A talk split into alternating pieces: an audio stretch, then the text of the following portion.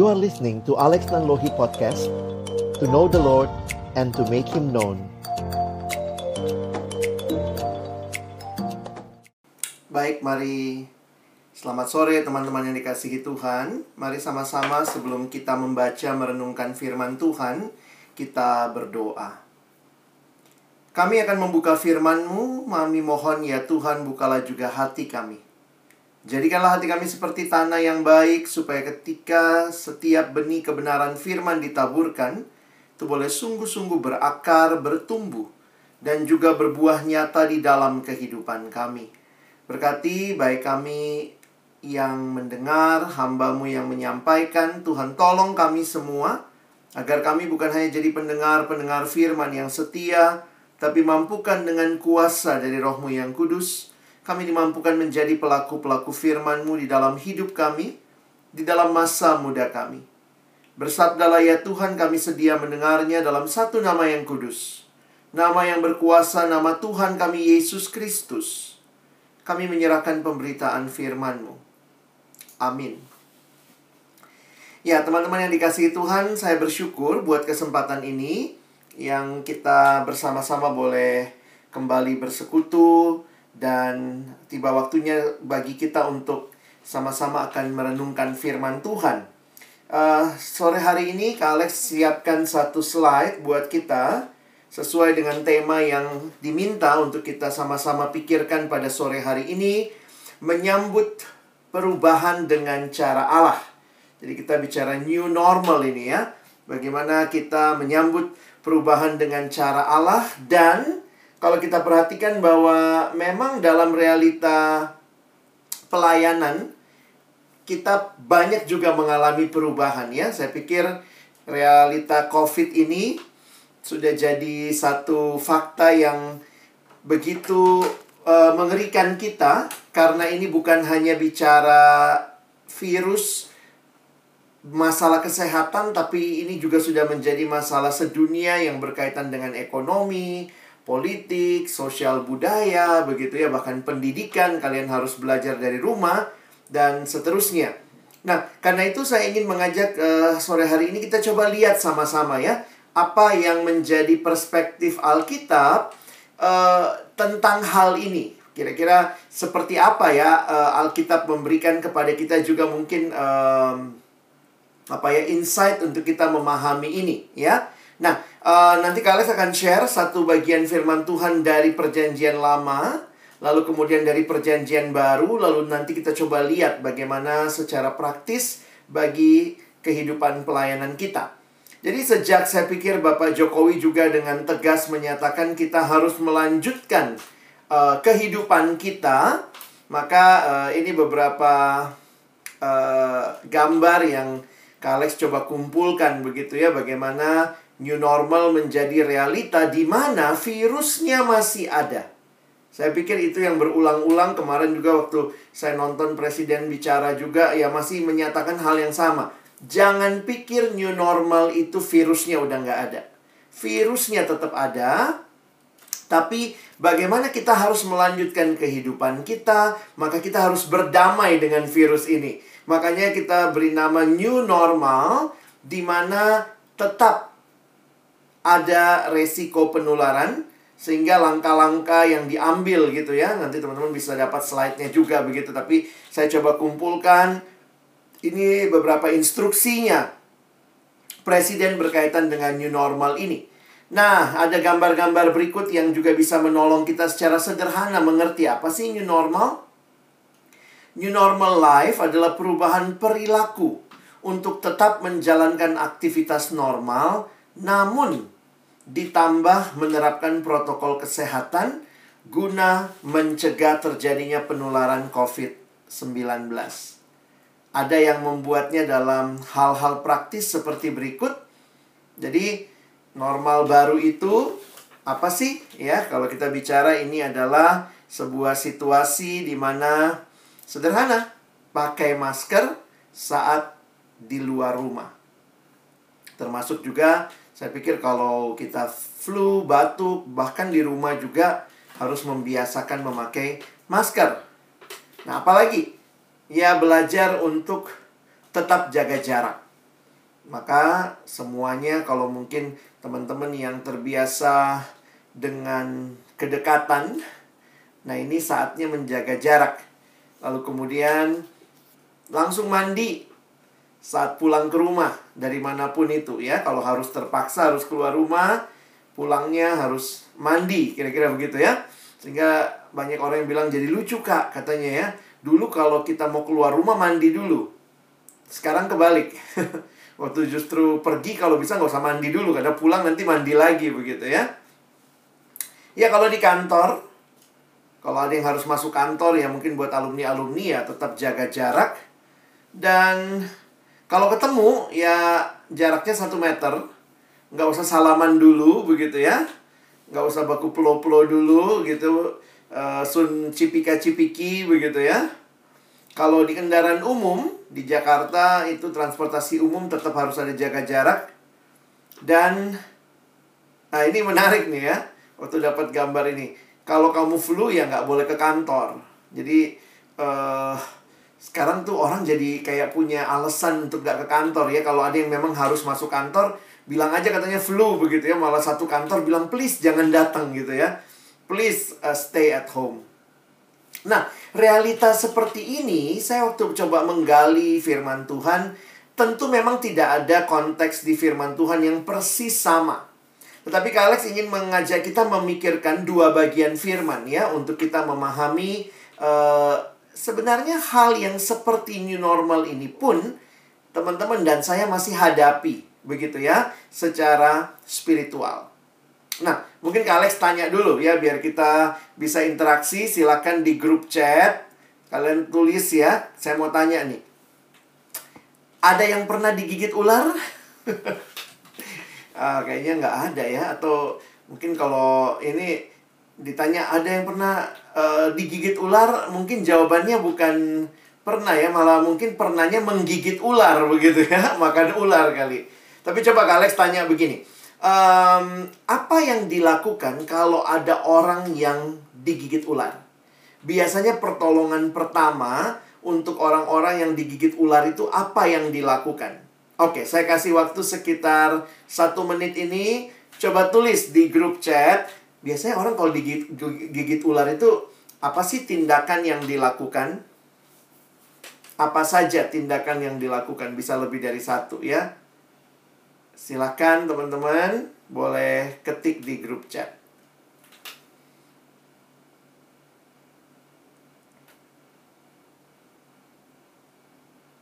Mm -hmm.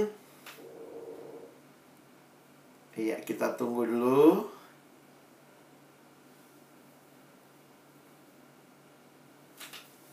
Apa yang dilakukan kalau digigit ular? tindakan penyelamatannya apa yang biasanya dilakukan? Apakah sudah ada yang bisa mengetikkan? Sudah terpikir?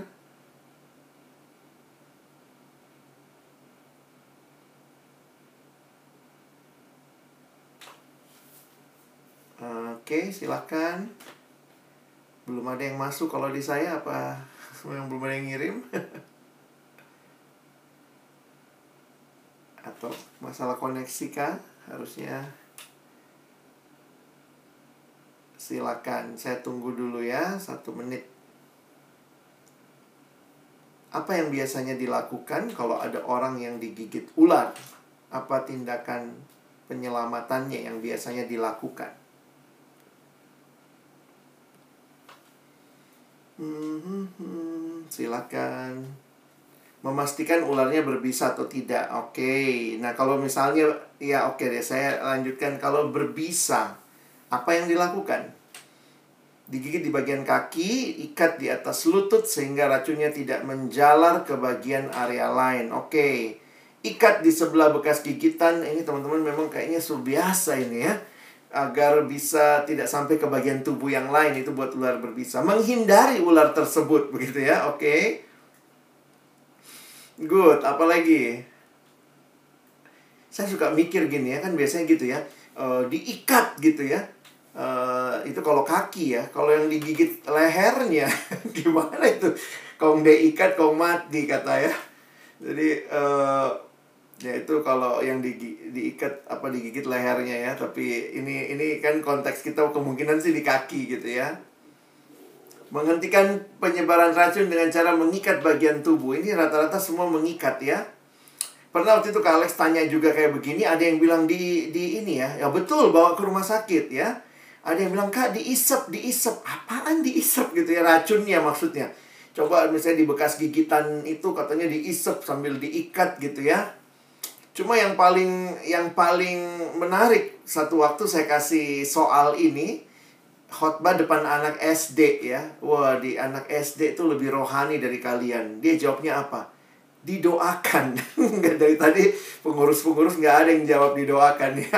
Langsung mau rumah sakit, apa ya, diobati ya. Tapi maksudnya Kak Alex mau katakan bahwa inilah hal-hal yang secara wajar akan kita lakukan ya ini hal-hal yang secara wajar akan kita lakukan ketika ada orang yang digigit oleh ular. Oke ya. Jadi kita tinggalkan dulu masalah ularnya di sana.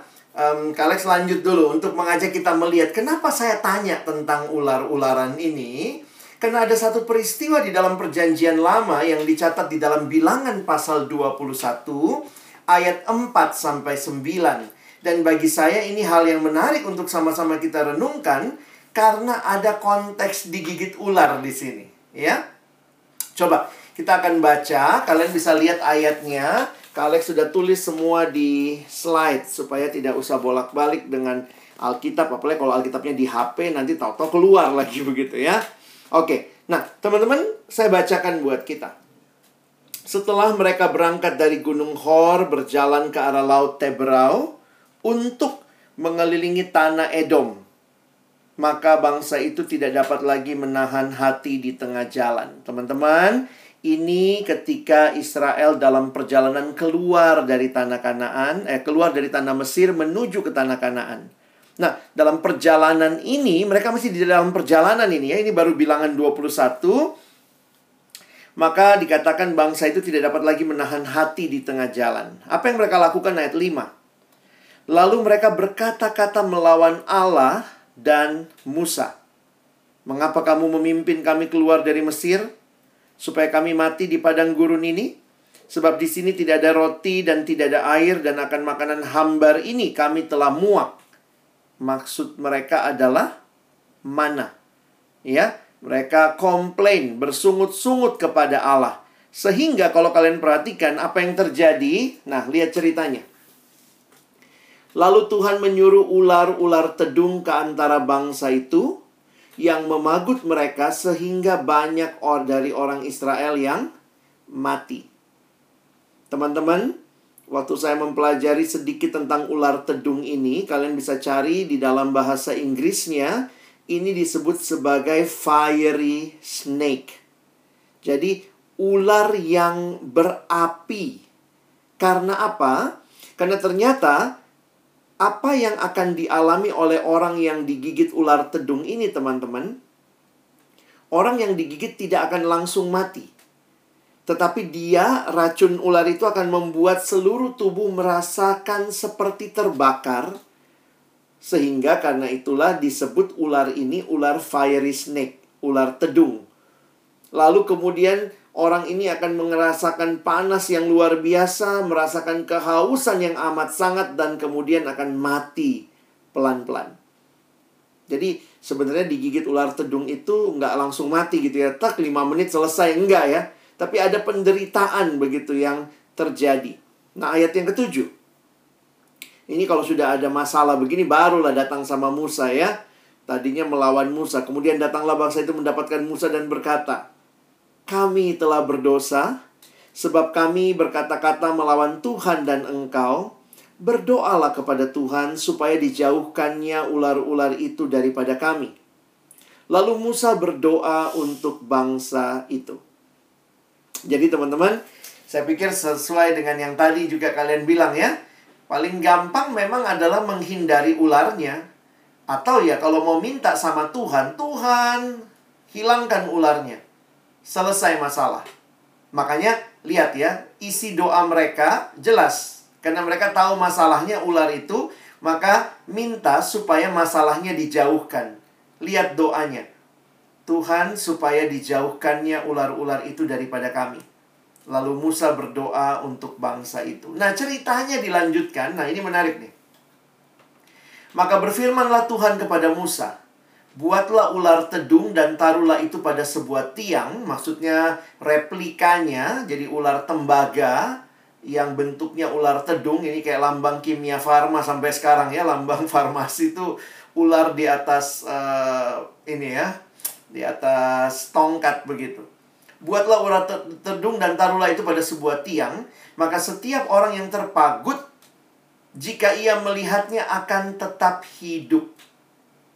Lalu Musa membuat ular tembaga dan menaruhnya pada sebuah tiang. Maka jika seorang dipagut ular dan ia memandang kepada ular tembaga itu, tetaplah ia hidup. Teman-teman, waktu saya mempelajari ini jadi unik juga gitu ya. Tidak ada tuh, kalau ada yang digigit ular, Tuhan bilang, maka ikat. Isap, gitu ya. Nggak ada itu. Tetapi Musa disuruh bentuk ular tembaga ditaruh di tiang. Nah, teman-teman mesti mengingat pada waktu itu Israel tinggalnya di kemah-kemah. Mereka belum masuk tanah Kanaan, mereka belum settle di tanah Kanaan, ini mereka masih dalam perjalanan. Maka dibuatlah ular tedung dari tembaga di sebuah tiang ditaruh di tengah-tengah. Dan siapa pun yang digigit ular, tinggal lihat ular itu, ular tedung itu, maka akan sembuh. Wow, bagi saya ini luar biasa ya. Teman-teman, bagian ini menolong saya menghayati bahwa keselamatan itu saya saya merefleksikan dua hal. Keselamatan itu dari Allah. Ya. Sama seperti ini dari Allah dan bukan pakai caranya manusia. Kalau caranya manusia, caranya kita tadi. Ikat, isap, bawa ke rumah sakit gitu ya. Tentu itu kita lakukan sekarang. Tetapi dalam konteks cerita ini, bukan itu yang dilakukan.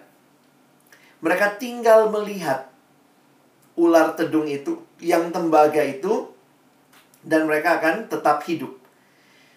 Nah, tentu juga uh, bukan berarti kalau begini, berarti kan kadang-kadang Kak Alex suka iseng mikir ya. Coba misalnya ya, kan kalau lihat langsung hidup begitu ya. Jadi saya sedang bayangkan nih kalau digigit nih ya, misalnya kaki digigit ya udah langsung lihat aja gitu ya. Waktu lihat ih sembuh gitu ya.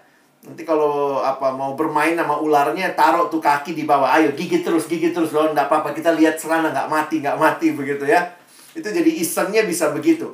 Tapi tentunya kita tidak main-main dengan ular itu. Meskipun ada jalan keluarnya saya pikir tidak ada orang yang sengaja minta ular tedung ayo dong gigit dong karena sudah ada jalan keluarnya. Nah Teman-teman, apa yang menarik? Kenapa kita bahas ini tentang new normal? Karena saya ingin katakan kepada teman-teman bahwa perhatikan cerita ini dengan seksama. Tuhan tidak menjawab doa orang Israel yang disampaikan Musa seperti yang mereka minta. Mereka mintanya apa? Hilangkan ularnya. Masih ingat tadi? Ini doanya ya. Mintanya jauhkan ular-ularnya. Tuhan tidak kasih ular-ularnya pergi, berarti ular tetap ada. Tapi Tuhan memberikan jalan keluar. Tuhan memberikan keselamatan dari dia, pakai caranya dia. Kadang-kadang kita pikir ini cara apa sih? Masa cuma lihat ular begitu sembuh? Tapi itulah yang Tuhan berikan tidak ada ikat-ikatan, tidak ada pakai obat-obat begitu ya. Bukan berarti yang kita lakukan sekarang salah gitu ya, tapi itulah yang Tuhan lakukan bagi Israel di masa itu, di konteks itu, di waktu itu. Sehingga bagi saya sesudah Musa berdoa, sesudah Musa buat ular tedung, maka Israel masuk dalam era new normal. Bagaimana new normalnya? Masih ada ular? Masih. Tapi petunjuknya adalah jangan main-main sama ular. Tapi kalaupun sampai kegigit sama ular, lihat ular tembaga itu dan mereka tetap hidup. Nah, teman-temanku yang dikasihi dalam Tuhan, cerita di Perjanjian Lama ini mengingatkan kita bahwa ternyata banyak situasi hidup Tuhan tidak langsung memberikan jalan keluar seperti yang kita minta. Sebenarnya kan kalau kita juga sekarang berdoa ya, Tuhan jauhkan corona ini, matilah semua virusnya. Tuhan kan berkuasa ya. Kenapa mesti tunggu vaksin? Kenapa harus tunggu dulu vaksinnya mesti diuji coba dan segala macam? Kadang-kadang saya jadi mikir gitu, kenapa ya Tuhan? Tapi akhirnya waktu eh, Kak Alex lihat cerita ini, Seringkali Tuhan mengizinkan kita ada dalam situasi-situasi di mana kita harus hidup dalam kenormalan baru. Kenormalan baru yang terjadi bagi Israel waktu itu, ularnya tetap ada. Saya mikir gini, kenapa ya ularnya tetap ada? Paling tidak itu mengingatkan Israel bahwa kamu tidak bisa hidup dari dirimu sendiri. Bahaya ular tedung itu sangat nyata, sangat dekat. Kamu bisa kegigit sewaktu-waktu. Sehingga ular tedung yang tetap ada itu mengingatkan Israel betapa rapuhnya mereka. Dan mengingatkan juga bagi mereka betapa mereka membutuhkan Tuhan dalam hidup mereka. Sekali lagi ingat, awalnya ceritanya apa? Mereka bersungut-sungut melawan Allah mereka tidak dapat lagi menahan hati dalam bahasa lain dipakai istilah mereka marah sama Tuhan. Ya, saya nggak bisa bilang bahwa corona ini adalah satu cara Tuhan menghukum kita. Saya nggak berani bicara sampai sejauh itu.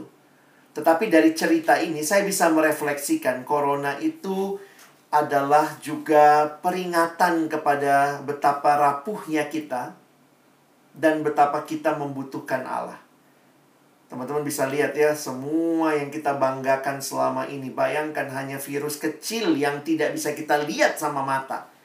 Bisa membuat kita jadi berubah satu dunia loh, bukan cuma satu negara. Itu menunjukkan betapa manusia sangat rapuh. Dan di tengah semua kemajuan, yang rasanya semua kemajuan itu kayaknya nggak butuh Tuhan lagi ya. Sudah ada artificial intelligence, sudah ada 3D, 4D, sudah ada uh, eh, HP, sudah ada sinyal yang 4 4G nanti 5G. Kayaknya manusia begitu maju dengan pesat. Tapi kita diingatkan. Jadi uh, bagi saya menarik karena Tuhan tetap ada. Tuhan tetap Allah yang berkuasa, tetapi Dia tidak meninggalkan kita dalam situasi yang kita alami. Nah, ini teman-teman sekali lagi ingat, bahwa virusnya tetap ada, tapi kita harus hidup bersama dengan virus itu. Tentu seperti Israel, jangan main-main sama ularnya. Jangan main-main sama virusnya, jangan melanggar protokol, berusaha jaga dengan baik. Dan inilah yang Tuhan ingatkan juga melalui bagian perjanjian baru sebenarnya. Saya tidak akan baca ayatnya satu demi satu, tetapi di dalam perjanjian baru Kak Alex ingin kita lihat di Efesus pasal yang keempat. Nanti ayatnya semua saya tunjukkan. Sebenarnya juga ini menarik nih. Paulus bicara tentang dua macam hidup. Hidup yang baru dan hidup yang lama. Dan hidup yang baru itu adalah ketika Kristus ada di dalam hidup kita. Jadi bagi saya menarik sebenarnya ya kehadiran Yesus itu membelah sejarah dunia. Bayangkan dunia ini dibagi dua, antara sebelum Masehi dan sesudah Masehi. Bahasa Inggris menggunakan istilah BC, before Christ. Jadi bayangkan ya, siapa tokoh dalam dunia ini yang kehadirannya, kelahirannya menandai dunia dibagi dua. Sebelum Kristus dan sesudah Kristus. Jadi bagi saya Kristus ini tokoh yang luar biasa karena dia adalah Tuhan yang jadi manusia dan jauh lebih luar biasa lagi, Kristus bukan hanya membelah dunia menjadi dua masa besar, tapi Kristus yang hadir di hati kita membelah hidup kita jadi dua bagian. Dulu manusia yang lama dan sekarang manusia yang baru. Dari mana? Dari kapan kita mulai manusia baru? Waktu kita terima Yesus. Makanya Paulus mengatakan, siapa yang ada dalam Kristus ia adalah ciptaan baru. Yang lama sudah berlalu, sesungguhnya yang baru sudah datang. Jadi sebenarnya teman-teman ini kan new normal juga ya. Jadi kalau dulu old normalnya atau normal yang biasanya itu ya, old normal itu di dalam dosa. Kalau kita lihat refleksi ayat ini. Tapi sekarang new normalnya ada di dalam di dalam Kristus. Karena itu kalau dibilang orang Kristen hidup new normal, kita sebenarnya harusnya udah terbiasa ya. Banyak cerita di Alkitab dan hidup kita sekarang juga hidup new normal. Apa yang paling membedakan? Dulu di dalam dosa, sekarang di dalam Kristus. Peristiwa Yesus menyelamatkan kita sudah terjadi. Dosa kita sudah diampuni. Tetapi pertanyaannya, masih adakah dosa? ternyata dosa masih ada. Dosa masih diizinkan oleh Allah sebelum dia datang kedua kali di mana dia akan menghakimi semuanya dan menyelesaikan segala dosa. Dosa sudah dikalahkan di kayu salib, tetapi dosa masih diizinkan berkuasa sampai Kristus datang kedua kali. Mungkin istilahnya bukan uh, ini ya. Bagi saya jadi begini, kita sudah tahu cerita akhirnya dosa ini udah dikalahkan. Bahkan melalui kematian Kristus di kayu salib sudah kalah nih. Tapi sekarang masih ada nih. Masih masih punya power begitu ya. Masih diizinkan lah kalau kita lihat dalam konteksnya Tuhan. Karena itu waktu kita bicara di dalam Kristus, jangan pikir di dalam Kristus tidak bisa berdosa. Setelah kita terima Yesus pun, kita masih mungkin berdosa. Loh, kok bisa kak? Nah, lihat aja di gereja. Gereja mengakui, orang Kristen mengakui bahwa kita masih mungkin berdosa setelah kita terima Yesus. Tentu kita tidak mau hidup dalam dosa terus-menerus, tetapi masih bisa berdosa? Oh, masih. Karena itulah di gereja selalu ada pengakuan dosa. Ini mengingatkan kita bahwa betapa kita sebenarnya sadar bahwa dosa itu masih ada. Sudah dikalahkan oleh Kristus? Yes tetapi masih diizinkan hadir sampai Kristus datang kedua kali. Makanya di dalam Kristus masih ke, ada kemungkinan kita jatuh dalam dosa.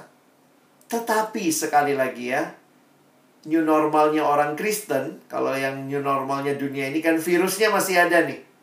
Tapi kita mesti jalani hidup. Kita harus lihat sekarang kita dalam Kristus. Kita punya kekuatan untuk hidup benar. Tapi dosa masih ada. Karena itu relasi dengan dosa menjadi hal yang diingatkan dalam banyak surat-surat Rasul Paulus, termasuk Efesus pasal 4. Jadi kalau teman-teman perhatikan, saya ambil bahasan Efesus pasal 4 ini. Istilah yang Paulus pakai adalah dia seperti istilah buka baju dan pakai baju begitu ya. Adalah menanggalkan. Jadi bukan meninggalkan ya, karena Paulus bicara hal-hal yang harus ditanggalkan. Dia membayangkan seperti baju yang ditanggalkan itu manusia lama dan mengenakan itu manusia baru. Nah, kita lihat sedikit ayat-ayatnya. Saya akan cepat di sini.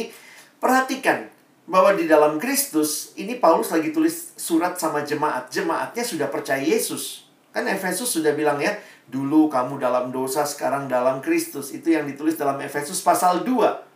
Tetapi kemudian perhatikan, ketika menjalani hidup yang baru di mana dosa masih ada, masih mungkin dilakukan, maka perhatikan Paulus bicara tanggalkan dan kenakan. Dari mana itu? Dari ayatnya. Coba lihat ayatnya ya. Jadi kalau kalian baca, lihat aja yang ke Alex warnai. Harus menanggalkan manusia lama. Nah ini kalau kita mau renungkan, ada beberapa istilah dalam hubungan dengan dosa. Menanggalkan manusia lama salah satunya. Kalau nanti kalian lihat kitab Kolose, Paulus katakan matikan. Matikan keinginan daging. Nanti lihat lagi misalnya kitab yang lain, Paulus bilang jangan padamkan roh. Ya. Jadi ini semua istilah-istilah yang menunjukkan bahwa di dalam hidup manusia baru ada aturan yang harus kita lakukan supaya tidak main-main sama dosa. Ya. Tanggalkan yang lama, kenakan yang baru. Nah, ini ayat 21, 22, 23, 24. Mulai ayat 25 Paulus memberikan hal apa yang harus ditanggalkan, hal apa yang harus dikenakan. Nah, inilah hidup manusia baru ya. Contoh yang pertama dusta yang warna hijau itu yang ditanggalkan, yang warna biru itu yang dikenakan. Perhatikan ayat 25. Karena itu buanglah dusta. Jadi ternyata bagiannya cuma bukan buang dusta. Tapi kemudian ada anjuran positif. Buanglah dusta, tetapi berkatalah benar seorang kepada yang lain. Nah, itu yang harus dikenakan. Berkaitan dengan marah. Jadi ini kan new normal kita ini, ini petunjuknya nih. Jadi ini bukan dari Pak Jokowi ya, ini dari Allah kita. Kamu masih dalam dunia, tapi kamu sudah manusia baru. Tapi kamu masih mungkin jatuh dalam dosa. Karena itu, tanggalkanlah janganlah kamu menjadi marah. Jang, apabila kamu menjadi marah, janganlah kamu berbuat dosa. Janganlah matahari terbenam sebelum padam amarahmu. Dan janganlah beri kesempatan kepada iblis. Selanjutnya, masalah mencuri.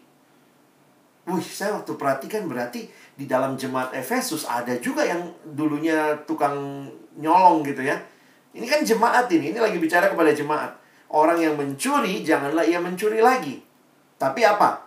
Yang positif. Baiklah bekerja keras, melakukan pekerjaan yang baik dengan tangannya sendiri. Akhirnya bukan hanya mengambil barang orang, lihat tuh. Supaya ia dapat membagikan sesuatu kepada orang yang berkekurangan. Jadi ada transformasi hidup yang luar biasa ini. Lihat lagi. Berkaitan dengan perkataan kotor. Janganlah ada perkataan kotor keluar dari mulutmu. Tetapi pakailah perkataan yang baik untuk membangun di mana perlu. Supaya mereka yang mendengarnya beroleh kasih karunia. Wow. Jadi bagi saya menarik ya. Hidup baru itu masuk masalah pikiran, perasaan, perbuatan, perkataan gitu ya. Nah ini yang masalah perasaannya nih. Nah yuk tanggalkan emosi-emosi negatif. Jadi Segala kepahitan, kegeraman, kemarahan, pertikaian, fitnah. Hendaklah dibuang di antara kamu demikian pula segala kejahatan. Ini emosi-emosi kita yang ya sangat sangat negatif. Ayat 32-nya kenakan yang positif. Ramah seorang pada yang lain, penuh kasih mesra, saling mengampuni sebagaimana Allah dalam Kristus telah mengampuni kamu. Dilanjutkan lagi nanti di pasal 5 karena ayat 32 ini akhir dari Efesus 4. Nanti di pasal yang kelima, hiduplah di dalam kasih. Karena kamu adalah penurut-penurut Allah seperti anak-anak yang kekasih. Karena itu hiduplah di dalam kasih, lihat patokannya. Sebagaimana Kristus Yesus juga telah mengasihi kamu dan telah menyerahkan dirinya untuk kita sebagai persembahan dan korban yang harum bagi Allah. Bukan cuma itu, lihat mengenai kekudusan. Ini yang harus ditanggalkan. Tanggalkan percabulan, rupa-rupa kecemaran atau keserakan disebut saja pun jangan ada di antara kamu sebagaimana sepatutnya bagi orang-orang kudus. Lalu lihat lagi, masalah perkataan lagi diulangi ya. Demikian juga perkataan yang kotor, yang kosong, atau yang sembrono, karena hal-hal ini tidak pantas tetapi sebaliknya ucapkanlah syukur.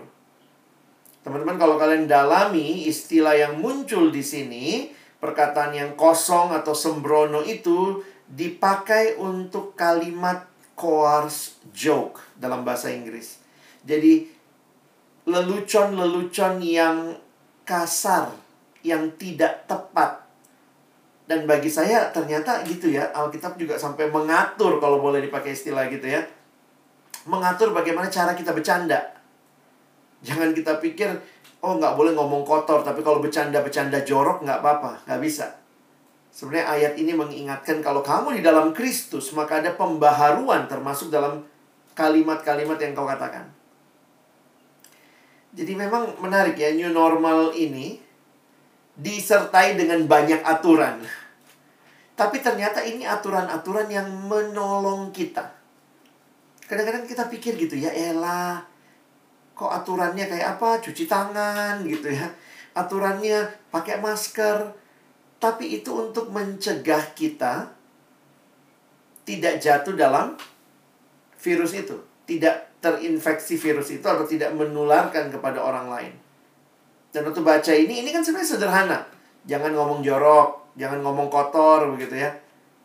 Banyak orang yang merasa ya ampun masa sih begitu harus diajarin. Tapi realitanya dalam pergaulan sehari-hari gampang sekali. Kita terbiasa mengumpat, memaki, marah. Dan mungkin kita juga termasuk jadi sulit bersyukur. Jadi, teman-teman lihat ya, perjanjian lama ada cerita new normal. Ularnya masih ada. Harus hidup bareng ular, tapi bukan ular itu yang menentukan hidup kita. Kristus yang sebagai gambaran ular tembaga yang dilihat itu. Di dalam perjanjian baru, Kristus sudah menyelamatkan. Sekarang kita di dalam dia, bukan di dalam dosa, tapi dosanya masih ada. Ini menunjukkan bagi kita, mari kita boleh hidup dengan aturan ilahi. Jadi kalau kita mau menyambut new normal, ya mari kita lihat juga nih ya, bagaimana aturan-aturan yang secara apa ya, secara benar atau secara baik sudah diberikan oleh pemerintah kita. Nah, saya ajak kita lihat ayat ini. 1 Yohanes 2 ayat 6. Barang siapa mengatakan bahwa ia ada dalam Kristus, dalam dia, ia wajib hidup sama seperti Kristus telah hidup. Jadi seharusnya hidup new normal kita secara rohani makin menunjukkan kita bukan hidup dalam dosa. Tapi kita hidup dalam Kristus. Nah, kalau kita hidup dalam Kristus harusnya kelihatan dong. Kristus dalam hidup kita. Dalam cara kita belajar. Kita tidak nyontek, kita tidak copy paste tugas, kita tidak jadi orang yang begitu gampangnya belajar hanya untuk nilai, tapi benar-benar kita belajar untuk mengerti dan bagaimana melalui ilmu yang kita miliki. Teman-teman FKIP ya, bagaimana membaginya jadi berkat buat orang lain, termasuk bagi pendidikan di Indonesia. Pengaruhnya ke mana nih? Kalau Kristus ada dalam hidup kita, ya pengaruhnya. Jadi memang new normal itu harus berpengaruh ke semua hal ya. Makanya lihat tadi di awal Kalex tunjukkan ya, pemerintah tuh pikirin aturan new normal dalam bus, aturan new normal dalam uh, kerja, aturan new normal dalam bersosialisasi, nggak usah salaman. Nah, harusnya kalau aturan-aturan itu diikuti dengan baik, itu membangun kita, memelihara kita, dan mengubah cara hidup kita. Demikian juga, kalau firman Allah kita terapkan sebagai aturan new normal hidup rohani kita. Kelihatannya kayak aduh, enakan bikin dosa. Kenapa Tuhan bilang nggak boleh nonton porno, nggak boleh iri hati. Kayaknya aduh Tuhan itu sifat aku. Tapi dalam Kristus ada perubahan. Cara belajarmu juga berubah. Cara bergaulmu berubah. Kalau sudah pacaran, cara pacaranmu berubah. True love waits, bukan pacaran dengan karena dosa masih ada. Jangan bilang oh saya pengurus, saya cukup kuat rohani, ya udah pacaran dalam kamar, kunci kamar. Hei, dosa mengintip. Istilah yang dipakai oleh Tuhan kepada kepada Kain. Dosa sudah mengintip. Dosa masih ada. Jangan bilang oh saya kuat, saya anak Tuhan, lalu main-main sama dosa. Saya pikir kita harus bisa melihat dalam situasi ini. Apa yang harus kita bangun? Apa yang harus kita tinggalkan. Nah, waktu saya eh, refleksikan kepada Indonesia begitu ya. Ya, memang new normal tuh begitu ya. New normal itu akan mengeluarkan aturan-aturan baru. Karena itu taati peraturan yang berlaku. Nah, ingat kita juga new, new normal dalam Tuhan. Taati firman Tuhan. Rajin-rajin dibaca. Saat teduhmu bagaimana? Jam doamu bagaimana? Miliki disiplin yang tinggi pulang mandi dari mana-mana gitu ya. Karena mungkin kita pikir, ah kan nggak ada yang kena. Tadi saya nggak ketemu siapa pun apa. Kita nggak pernah tahu. Fleksibel, adaptasi. Maksudnya ini menunjukkan juga begini. Memang kita punya disiplin yang tinggi, tapi kita pun bisa fleksibel, adaptasi. Kita tuh awal-awal mungkin gamang ya. Tapi setelah 3-4 bulan ini orang sudah semakin biasa belajar dari rumah, kebaktian dari rumah, karena memang manusia punya ke, uh, kemampuan adaptasi yang tinggi. Dan saya pikir juga new normal ini menolong kita juga untuk melihat, peduli dengan sesama. Kenapa? Karena akhirnya kan dibilangnya jangan keluar karena mungkin bukannya kamu ditulari orang lain, jangan-jangan kamu carrier yang menulari orang lain. Jadi peduli sesama. Saya pikir ini juga yang harusnya muncul ya. Tadi ayat-ayatnya kan dalam jemaat. Yang mencuri jangan mencuri tapi mulai berbagi. Dan saya pikir refleksi rohani yang hari ini saya bagikan menolong kita juga berpikir ya untuk ke depan bagaimana. Bagaimana pelayanan dalam new normal? Kadang-kadang kita kayak mesti memilih mau online atau offline ya. Saya pikir jangan online atau offline, bukan or. Tapi ke depan kita harus kerjakan dua-duanya ya, online and offline. Jadi kita juga banyak berubah kan? New normal ini membuat kita jadi mengerti apa sih yang esensi termasuk dalam pelayanan kan?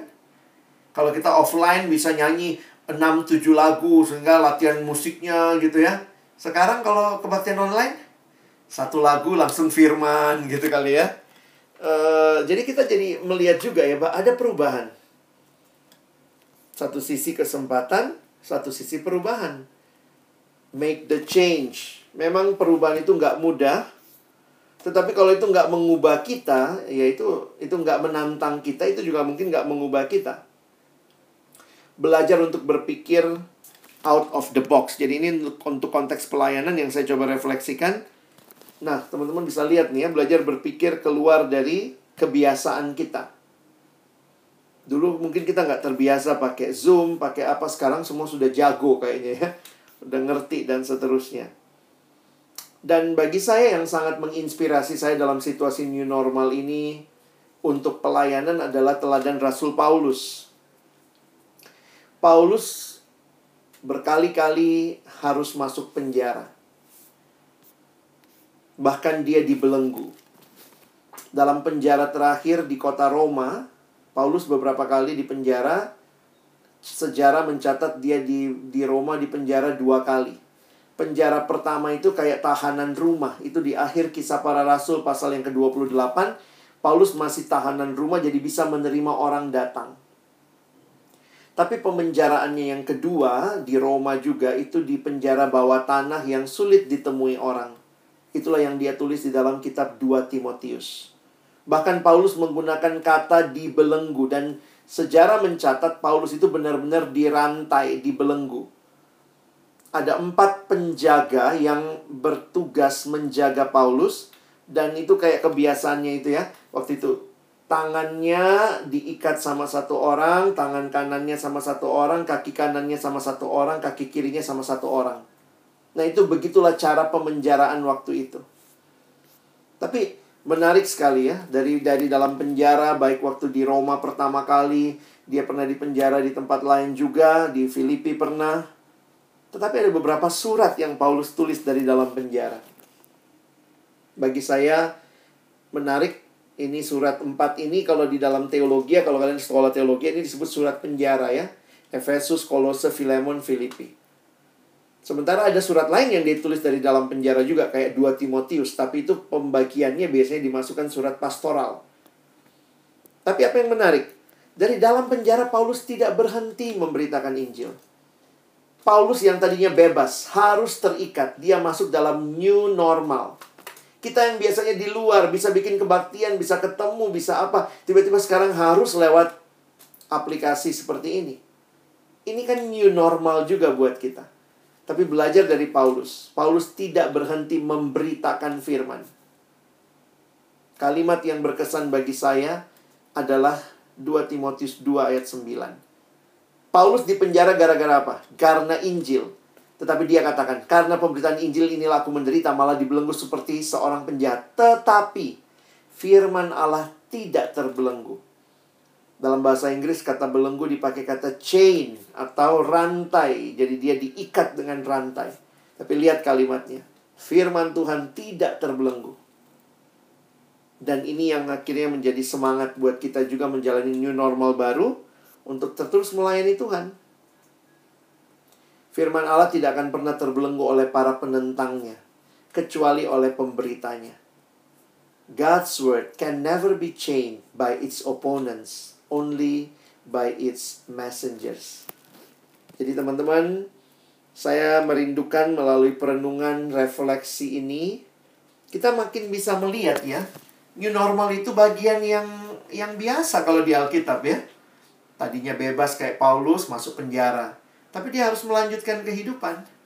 Tadinya tidak ada ular, ada ular, eh sesudah itu ular masih ada, tapi dikasih jalan keluar gitu ya itu dalam bilangan tadi Dan tadi ceritanya dalam Kristus kita sudah menang, sudah merdeka. Kita bukan lagi hamba dosa, tapi masih ada dosa. Diizinkan Tuhan dan itu membuat kita harus hidup berelasi dengan Tuhan supaya kita mengalahkan dosa. Sama seperti Israel, lihat ular tembaga itu. Supaya kamu hidup. Demikian juga kita lihat kepada Allah supaya kita hidup. Dosa masih ada, masih ada, tapi jangan main-main sama dosa. Jangan main-main lagi sama ular tedung. Ayo dong gigit-gigit saya begitu ya. Tapi teruslah pandang salib itu hidup di dalam kemenangan Kristus. Kiranya Tuhan menolong kita bukan hanya jadi pendengar firman tapi jadi pelaku firman dan juga buat teman-teman teruslah lewati masa-masa ke depan ini new normal dengan terus berbuah, terus menjadi berkat bagi sesama. Amin. Kalex berhenti sharing, dia di sini silahkan kalau ada yang mau bertanya ya, ini kesempatan tanya jawab. Saya persilakan.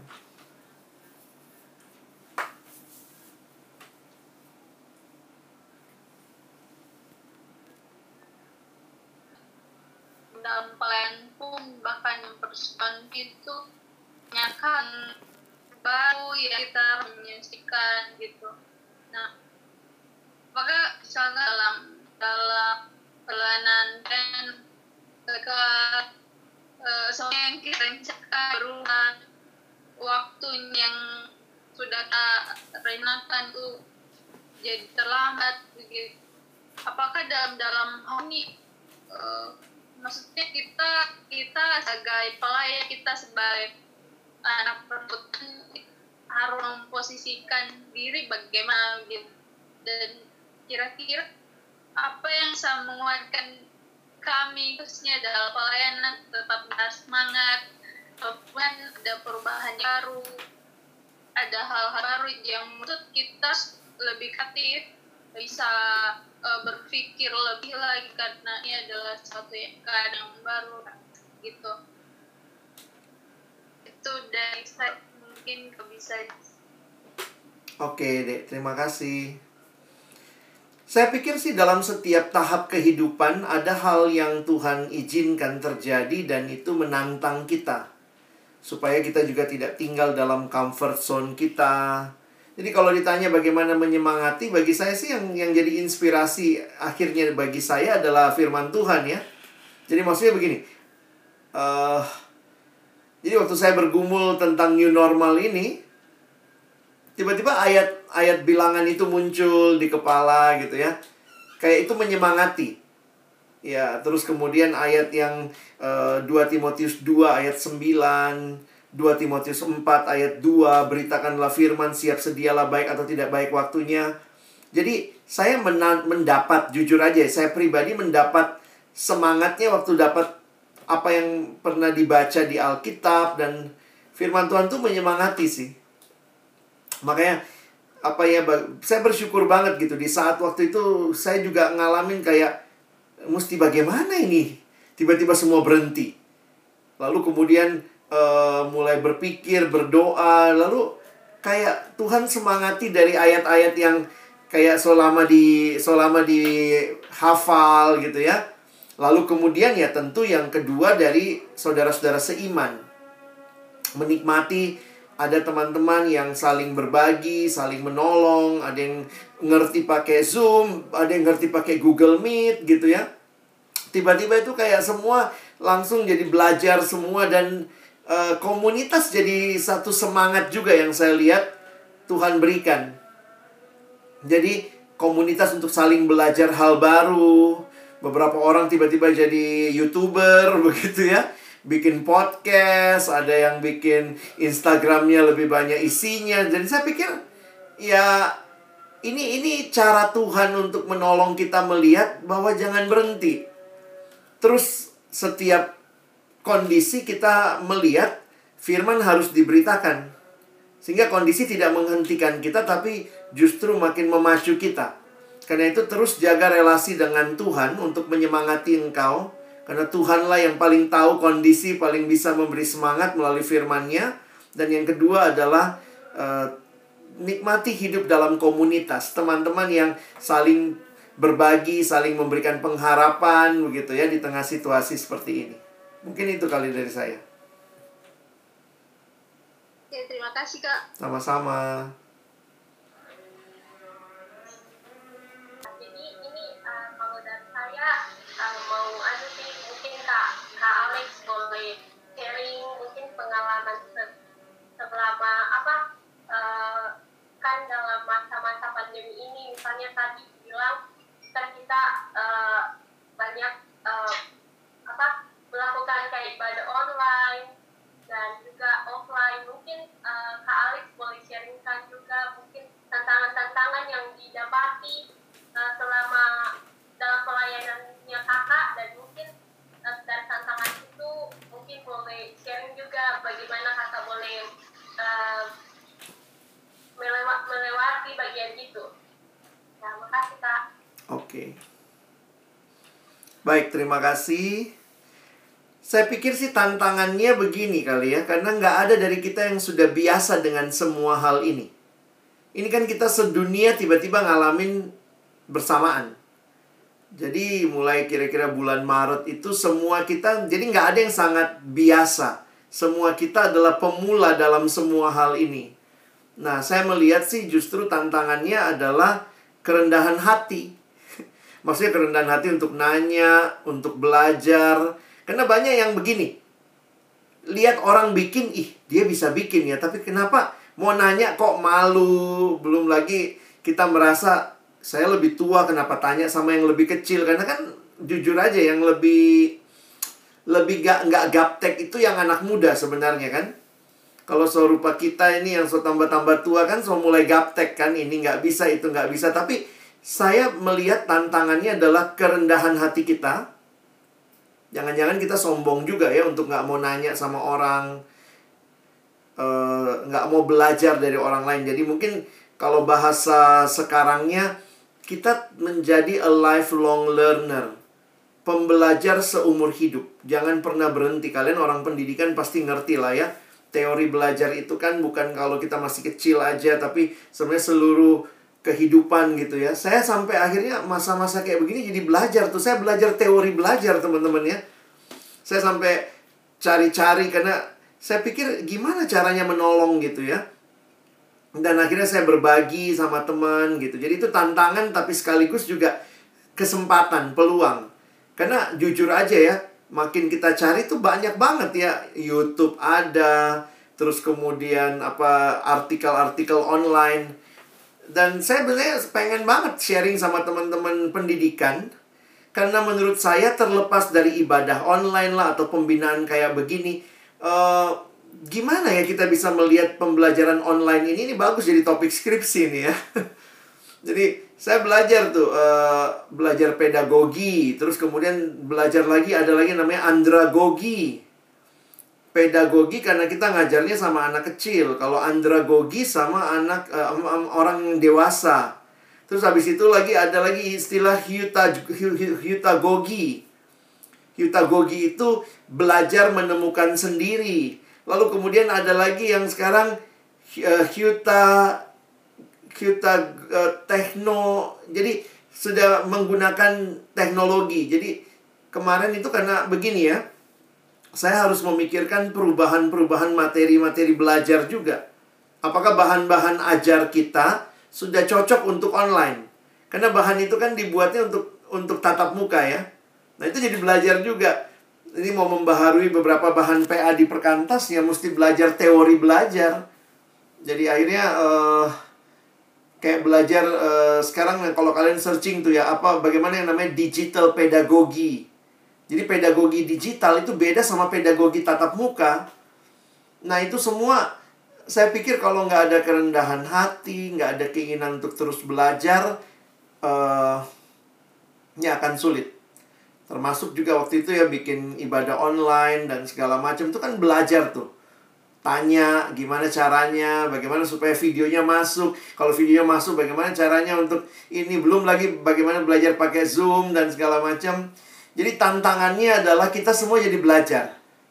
Tapi yang di sisi yang lain, eh saya lihat ya kalau kendala itu masalah itu ya malu nanya, nggak mau nanya, merasa diri kalau ditanya nanti kita dapat lihat bodoh gitu ya. Padahal sebenarnya kan kesempatan untuk belajar itu nggak ada yang bodoh kan belajar itu berarti sama-sama bodoh gitu sama-sama mau belajar begitu jadi itu belum lagi sih tantangan yang lain ya ya reali- realistis aja lah ya kuota duit semua ini kan uang kan pakai kuota pakai apa gitu. Orang bilang dulu internet free free wifi tapi kan makin kita sadar juga ya iya ya tetap semua pakai kuota dan segala macam.